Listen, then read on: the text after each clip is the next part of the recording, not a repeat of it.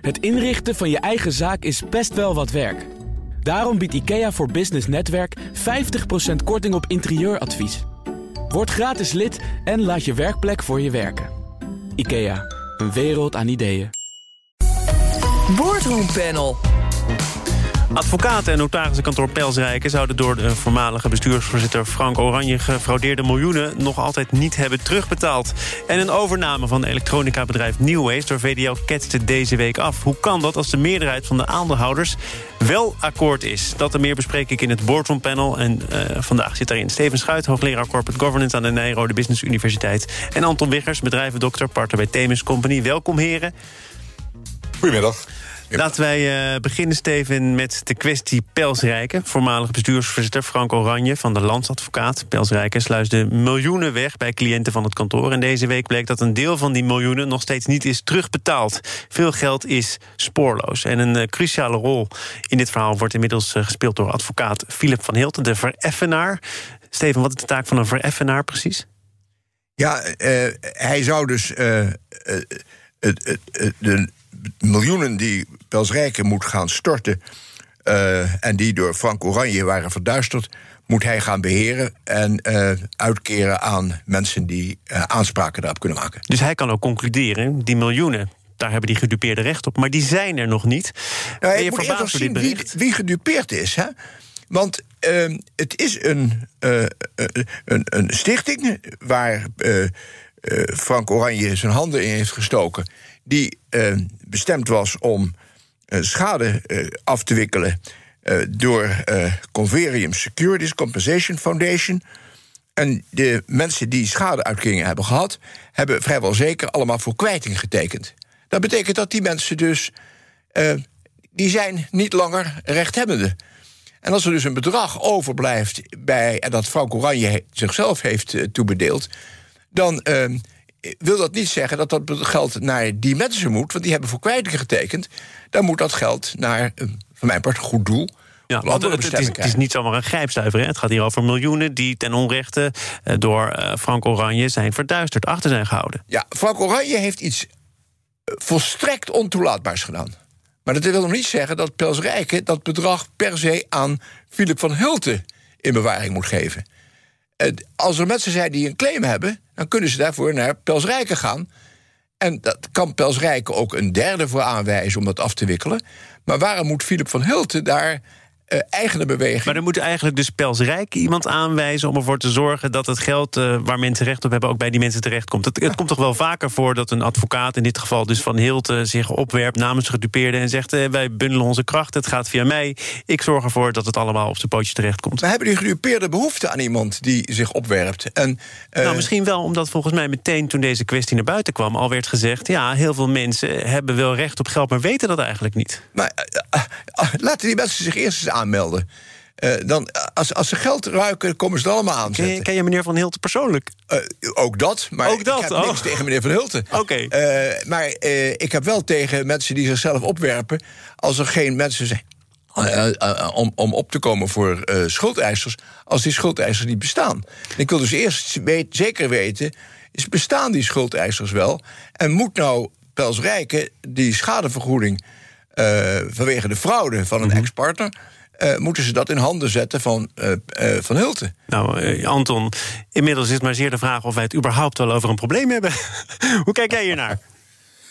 Nou, ik denk dat Steven daar gelijk in heeft. Als hij zegt van als iemand schade heeft geleden, dan moet, dan moet hij zich melden. En zeggen, joh, ik heb schade geleden, ik heb recht op dat geld. Op het moment dat er, er is ongeveer 10 miljoen weg. Waarvan 9,5 miljoen voor die claim, bij die claim, stichting Converium heeft daarmee te maken, volgens mij, ja. En ja, ik denk op het moment dat er nog uh, zich, mensen die hebben gemeld. Dan moeten ze zich eerst melden, want je moet eerst schade hebben geleden. Wil je voor vergoeding in aanmerking komen. Zo is het. ja. en, en, en, en welke schade is dat dan? Het feit dat Frank Oranje een groot bedrag heeft achterover gedrukt, wil niet zeggen dat er andere mensen zijn die schade hebben geleden. Dat klinkt gek, maar dat, dat, kan, dat kan. En van wie is dat geld dan wel? Want het was niet van Oranje. Die heeft daar dingen mee gedaan, wat je zelf zegt, volstrekt ontoelaatbaar. Dat ja. geld is toch van iemand? Ja, nee, dat, dat kan dus bestaan. Daarvoor is er in Nederland. Nou, anders ga ik ook nog melden hoor. Nee, maar er is in Nederland een consignatiekas. Dat berust bij het ministerie van Financiën. En daarin uh, worden gelden gestort waarvan onduidelijk is aan wie die toebehoren. Dat gebeurt al vaker. Uh, Anton, toch nog even naar uh, hoe je hier als kantoor in zou moeten opstellen. Want Van Hilten, uh, nou, we weten nu wat Stefan ervan denkt. We moeten nog maar even afwachten wat zijn positie daadwerkelijk is. Maar Van Hilten zegt, uh, doet gewoon pijn. Hè? Het gaat hier over 10 miljoen. Pelsrijke ligt dwars, want het is vermogen, dat moet dan betaald worden. Dat kunnen ze eigenlijk niet missen. Nou, las ik ook nog dat Pelsrijke, en zo verwonderlijk is dat niet... onderwerp is van meerdere onderzoeken. Dus je wordt al onder een vergrootglas gelegd. Kun je dan niet het beste zeggen... Uh, ja, neem wat je wil, wil ontvangen. Wij zijn dan van het gezeur af. Ja, je hebt echt de keuze. Je, hebt, zeg maar, je kunt kiezen voor een slachtofferstrategie. Je zegt, jongens, het is ons ook overkomen. Het kantoor neemt afstand, uh, focus ons op de aansprakelijkheid. En uh, dat gaat om, je niet license to operate, zeg maar. Nou, je hebt ook een tweede strategie, en dat lijkt mij veel beter. Namelijk de leiderschapsstrategie, waarbij je aangeeft, jongens, er is iets gebeurd had niet gemogen. Is volstrekt uh, schadelijk geweest voor iedereen. Wij nemen daar de leiderschap in onze sociale rol in. En we gaan zorgen dat dit wordt geregeld. En wat er nu gebeurt, is dat er discussie is. En dat is denk ik niet goed. Ook voor Pelsrijken niet. Dat er dingen op straat komen die je niet wil. Ik denk dat ze dat gewoon moeten zeggen. We gaan het oplossen. Hoe dan ook. En uh, achter, de, achter de coulissen kun je dan wel discussies gaan voeren over wie dan zeg maar rechtmatig is en niet. Dat zou ik adviseren. Dus pak niet een slachtoffersrol, maar pak echt het leiderschap en los het op. Wat zou jouw strategie zijn, Steven? Ja, spreek me aan. Uh, je moet alleen als pelsrijke reuze oppassen... dat je niet straks twee keer moet betalen. Dat je uh, 10 miljoen hebt gestort in de stichting van, van Hulten... en dat je straks claims krijgt van de zogenaamde uh, belanghebbenden... de mensen die schade zou hebben geleden... en die rechtstreeks bij pelsrijke aankloppen... en die zeggen met meneer Van Hulten heb ik niks te maken... ik heb hem nooit opdracht gegeven tot wat ook... ik heb een claim en die claim die wil ik geldend maken jegens Pelsrijken. En dan betaal je dus twee keer. Maar dan blijft er ook weer heel veel geld in de pot van Van Heel te zitten in dit geval. Uh, dat zou wel eens kunnen en ik wil wel eens weten wat daarmee gebeurt. Volgens mij is dat niet de bedoeling. Dat kan niet de bedoeling. Nee. Dat kan niet de bedoeling zijn. Maar uh, de volgende verhaal... keer dat jij in dit panel zit, nodig ik ook meneer Van Hilten uit. Dat lijkt me interessant. Dat mag. Dat mag. um, ik ben niet Van Hilten aan het bestrijden. Begrijp nee, goed? nee, hoe kom ik bij dat idee? Nee, maar ik denk, wat, wat hier belangrijk is ook, heren, is dat uh, het is de, land, de landsadvocaat, en die heeft veel exposure als het gaat om, uh, om, om schade. En, en, ik denk dat ze moeten proberen dat zoveel mogelijk te voorkomen. doen ze dat niet goed, dan zal het kunnen betekenen dat de staat zich als ja, zich aan, naar een ander kantoor gaat richten. En dat moet je proberen te voorkomen. Nou, dat gevaar is volgens mij een beetje afgewend. Hè? Want die vraag is natuurlijk al voorgelegd aan de minister van Justitie. En uh, er is al wel gezegd: nee, wij blijven trouw aan de landsadvocaat. Er is geen reden om naar een ander kantoor over te stappen. En daarop volgend, Anton. Er is nu een uh, bestuurder aangesteld van buiten. Suzy Zijderveld in het FD stond: ja. heb je een probleem? Ja. Bel een fixer, bel Suzy. Ja. uh, die moet het al gaan regelen. Die moet de ramen gaan openzetten. Werkt dat, denk jij? Ja, ik denk dat dat op zich voor de bühne met name heel goed uh, kan werken. Kijk, er is best een, een, een heel uh, systeem opgezet, hè, collegiaal toezicht, om te zorgen dat de kantoren ook elkaar zeg maar, gaan uh, beoordelen. Alleen de, de, constructies die worden gekozen zijn dermate complex tegenwoordig dat het heel lastig is om uh, dat toezicht goed uit te oefenen. Dat zal voor haar ook gelden. Ik denk dat deze advocaten buitengewoon goed weten wat de mogelijkheden zijn en wat de onmogelijkheden zijn. Ze worden er vaak voor betaald om onmogelijke situaties, althans schier onmogelijke situaties, te gaan regelen en fixen. He, maar uh, ik denk dat het voor haar heel erg lastig is om dit zeg maar op zich te nemen. Want in feite, het is een buitengewoon goed kantoor met een goede naam en faam. Die had het al zelf moeten regelen. Ik denk dat het daar eigenlijk om gaat. Dus maar maar jij zegt, hè, de, iedereen weet eigenlijk wel hoe het zou moeten. En toch gebeuren er dingen die het daglicht niet kunnen verdragen. Daar klopt ja. kennelijk iets niet, zeker in dit geval niet. Daar waar het aankomt op checks en balances. Dus dat er dan toch nog naar gekeken moet worden. En misschien wel door iemand van buiten. Dat is toch niet zo verwonderlijk? Zeker niet. De vraag is, de vraag is waarom gebeurt dit? He, is, gaat het, ging het hier om de kick? Ging het hier om puur hebzucht?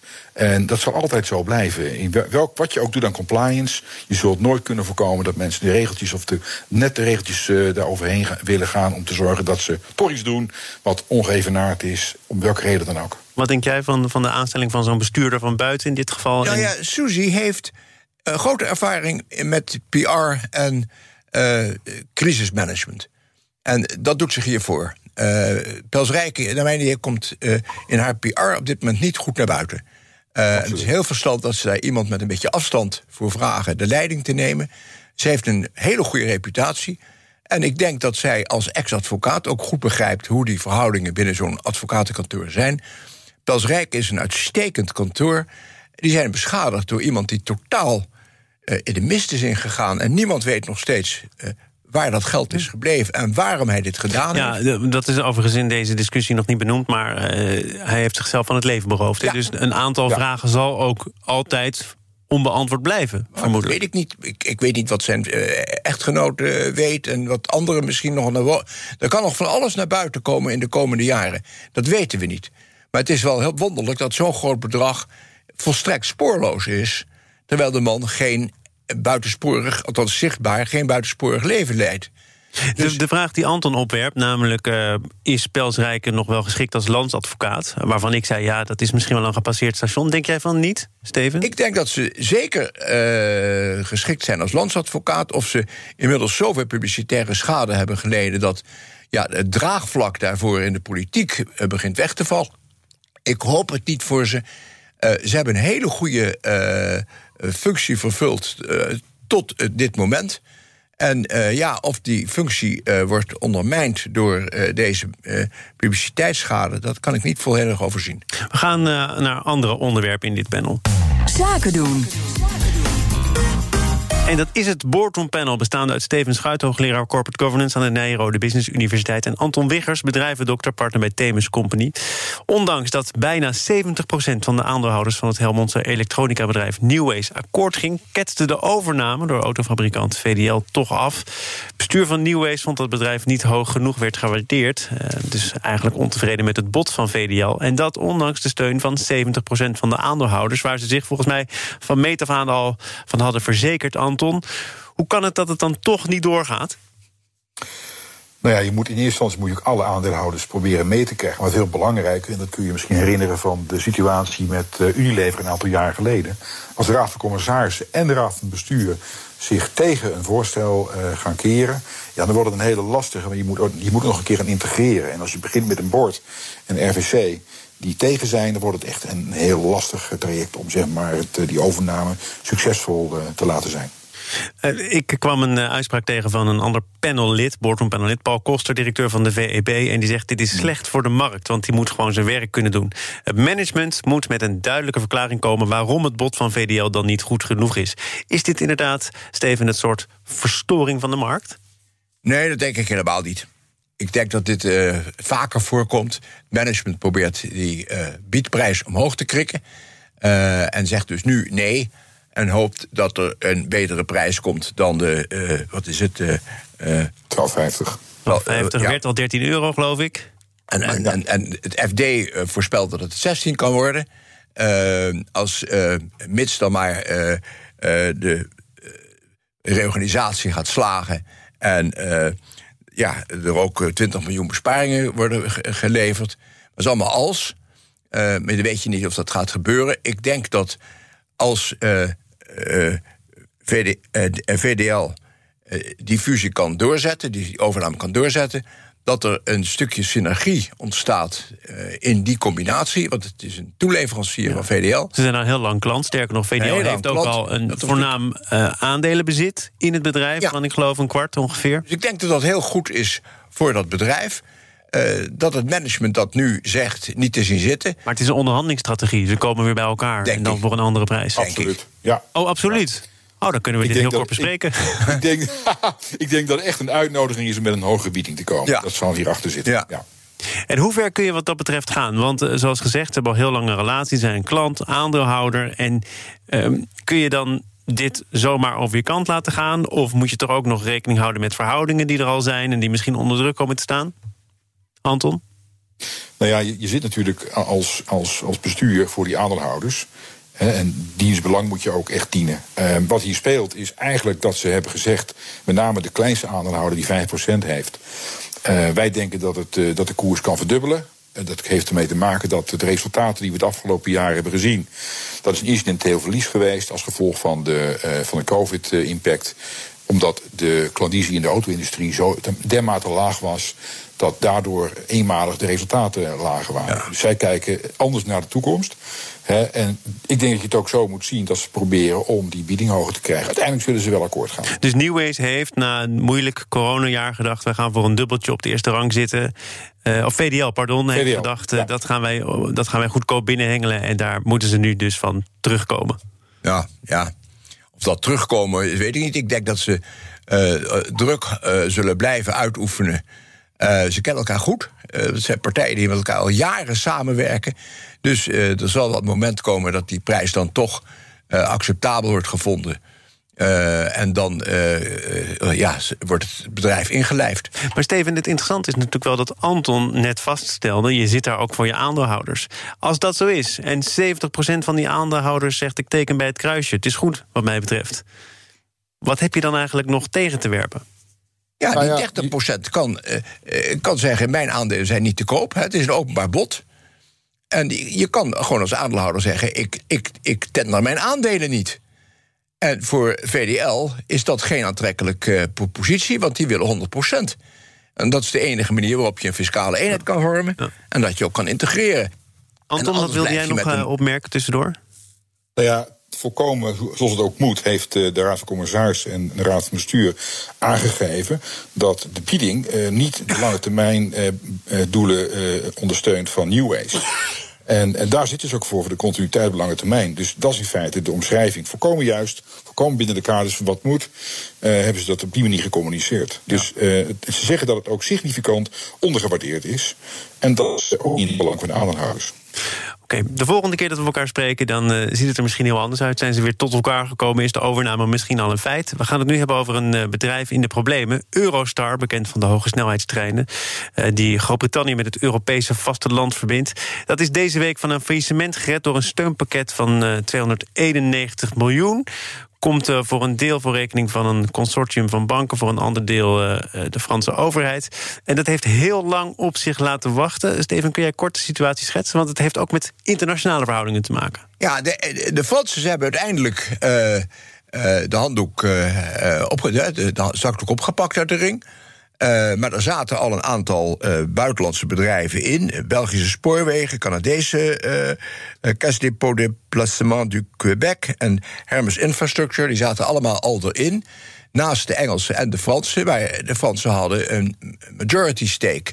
En met die meerderheid voelden ze zich natuurlijk nog meer verantwoordelijk dan de Engelsen. Maar opmerkelijk is dat de Engelsen dus geen bijdrage in dit stadium leveren. Terwijl zij misschien wel meer dan de Fransen afhankelijk zijn van die tunnel. Maar de Engelsen hebben op dit moment nog uh, het hoofdkantoor dat ze huisvesten. Maar het belang van de Engelse overheid is inmiddels in handen van aandeelhouders. Dus ze zijn geen aandeelhouder meer in Eurostar. Is het dan misschien toch naïef dat de Fransen heel lang hebben gedacht. die Britten springen wel in? Nee, dat vind ik niet naïef. Het is een, een, een, een denk, denk een Engels publiek belang een, een, een, belang van de Engelse samenleving en voor het Engelse bedrijfsleven, dat zij die tunnel kunnen blijven gebruiken. Uh, en de spoorverbinding met name is heel erg belangrijk voor het goederenvervoer. Dus uh, ik, het verbaast mij dat de Engelsen geen geld bijleggen, terwijl de Fransen dus uh, het volledige bedrag uh, Maar kun je, kun je nu zeggen, goed gespeeld dan? Want Eurostar is gered, de verbinding blijft overeind en het heeft ons geen geld gekost. Nou, ik denk dat de Engelsen straks rekening krijgen in, in het presenteert door uh, wellicht uh, andere tarieven vanuit Engeland naar uh, Frankrijk. Oh ja?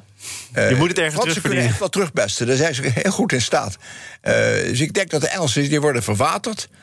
Het, het, wordt dus meer een Franse, een Franse maatschappij... en die gaat nu bepalen zelf wat goed is voor de Fransen en voor de Engelsen. Anton, hoe kijk jij naar dit samenspel? Of het gebrek daaraan misschien, beter om het zo uit te drukken? Nou ja, in eerste instantie, als je geld tekort komt, dan ga je eerst, en dat is volkomen terecht, naar de aandeelhouders om te vragen: jongens, wil je bijstorten? En vervolgens ga je dat ook eh, met de banken overleggen. En op dat deze nee zeggen, dan moet je andere strategieën gaan bewandelen. Ik denk dat de Engelsen dit heel goed hebben uitgespeeld. Natuurlijk hebben ze een heel groot belang. Maar uiteindelijk zijn de eigenaren, de Franse staat, voor 55 procent. Ja, de eerste, het eerste aanspreekpunt. Dus ik denk dat dat, dat spel keurig hebben gespeeld. En eh, de vraag, je zou nog de vraag kunnen stellen, als je naar de toekomst kijkt. Wat zou er zijn gebeurd als het bedrijf failliet was gegaan? Dan was het waarschijnlijk opgepakt door een andere partij. Ja. En was er ook een verbinding geweest die opnieuw was gefinancierd. Dus dat soort risicofactoren weeg je gewoon af in de keuze die je, in de keuze die je maakt om een strategie uh, te, toe te passen die je wil. Ik denk dat, dat Engels dat goed gedaan hebben. Waarom wij dit ook een interessant onderwerp vonden, is dat Eurostar toch echt een beetje heeft moeten bibberen. Hè? Misschien was er altijd wel een verbinding geweest, maar goed, ze zijn nu op het nippertje, dat is althans het frame, gered van een faillissement. Terwijl als je kijkt naar luchtvaartmaatschappijen, uh, daar valt dan achteraf ook nog wat een en ander over te zeggen: van is dat nou rechtmatig ja of nee? Maar daar wordt met miljarden geslingerd. En dat voelt een beetje vreemd, omdat de boodschap van al die regering, al die parlement ook is geweest. Nee, maar pak nou eens dat eerder de trein. Kijk nou eens naar alternatieven. Steven, klopt het dat er toch een zekere discrepantie is van we houden onze poot stijf, die uh, Eurostar bijvoorbeeld uh, kan fluiten naar zijn geld, uh, en tegelijkertijd wijzen op het geweldige duurzame alternatief van de trein? Ja, dat verbaast mij ook. En, de Engelsen spelen hier een heel merkwaardig spel. Uh, ik vind de Fransen zijn hierin vrij consequent. Die ja, hebben die altijd, ook in Frankrijk intern, hebben ze erg uh, ingezet op treinverkeer. Uh, ze, ze, hebben in Frankrijk een heel groot net van snelle treinen. Ik geloof ook dat ze behoorlijk inzet op hun eigen maatschappij Air France. Ja, in ieder geval alles. Klopt. Klopt, maar dat is, dat is dus hier blijkt eigenlijk dat dezelfde uh, strategie daarachter zit. Uh, ze willen eventueel uh, meerderheid nemen en uitbouwen. En uh, ja, dat betekent een zekere mate van uh, dominantie. Anton, deze, deze toch wel hardere opstelling richting uh, spoorwegen, treinbedrijven... en dat dan in relatie tot de maatschappelijke discussie... over de wenselijkheid van luchtvaartmaatschappijen... en het ondersteunen van luchtvaartmaatschappijen. Schuurt daar iets? Nee, absoluut. Ik denk dat, uh, dat de lobby van de, van de luchtvaartmaatschappijen veel groter is. En ook het uh, nationale gevoel daaraan gekoppeld wordt vaak. Hè, in, in, de, in de berichtgeving, wat je ook in de pers ziet. Ik denk dat dat zeker een, een belangrijke rol speelt. En daarnaast is het ook heel bijzonder dat uh, luchtvaartmaatschappijen... die betalen zeg maar weinig of geen belasting. Zeker niet op kerosine. Terwijl de, de spoorwegen gewoon btw moeten, moeten betalen. Ja, dat, dat gaat veranderen. We hebben een Europese dus Green Deal... dat er toch voor zorgt dat het speelveld ook voor luchtvaartmaatschappijen enigszins wordt beperkt? In de toekomst. Maar we zeggen dus met z'n allen binnen de straal van, ik dacht een uur vliegen in Frankrijk, moet je de trein nemen. Dat is ook een beetje de, strategie die ze daar volgen. Maar als, zeg maar, als het erop aankomt om, om steun te verlenen, nou, moet je toch zeggen dat die Fransen daar wel consequent in zijn. Dus daar kun je niks van zeggen. Maar ook hier, ook hier geldt, regel 1, gaan naar de aandeelhouders. Dus als je naar KLM en Frans kijkt, is er eerst gekeken naar de aandeelhouders. Dus de Fransen hebben behoorlijk veel steun verleend aan France het stuk. En de Nederlandse regering, ook een, eh, een, een, een eh, aandeelhouder van 18 of 16 procent, heeft ook zijn, eh, zijn steun toegezegd. Maar ik denk dat ook met name de lobby en de kracht van, uh, van de impact uh, die uh, de teloorgang van de luchtvaartmaatschappij heeft, ook een belangrijke rol speelt in wat de politiek doet. Ja, wat, wat ook speelt, Thomas, is, is dat... de klok, maar goed, nog even kort dan. Heel even, is dat in Frankrijk het gebruikelijker is dat de overheid in een privaat bedrijf participeert. ja. Ja. Dus in Engeland bepaalt niet uh, gemeengoed. Nee. In Nederland uh, kunnen er ook nog discussies over worden gevoerd. Want volgens mij is de trend dat ook de Nederlandse overheid op sommige gebieden, cruciale bedrijven, dat misschien wel iets eerder zou moeten gaan doen. Daarover een volgende keer heel veel meer. Met uh, misschien wel Steven Schuit, hoogleraar Corporate Governance aan de Nijrode Business Universiteit. Bepaalt niet van plan om mensen te beschadigen vandaag. En Anton Wiggers, bedrijvendokter, partner bij Themis Company. Dank voor jullie komst. Zometeen praat ik onder andere over hoe je vaccins in de gaten kunt houden met sensoren. Een kleine update maakt een wereld van verschil. Daarom biedt IKEA voor Business Netwerk gratis snelle interieurtips en ideeën. Word gratis lid en laat je werkplek voor je werken. IKEA, een wereld aan ideeën.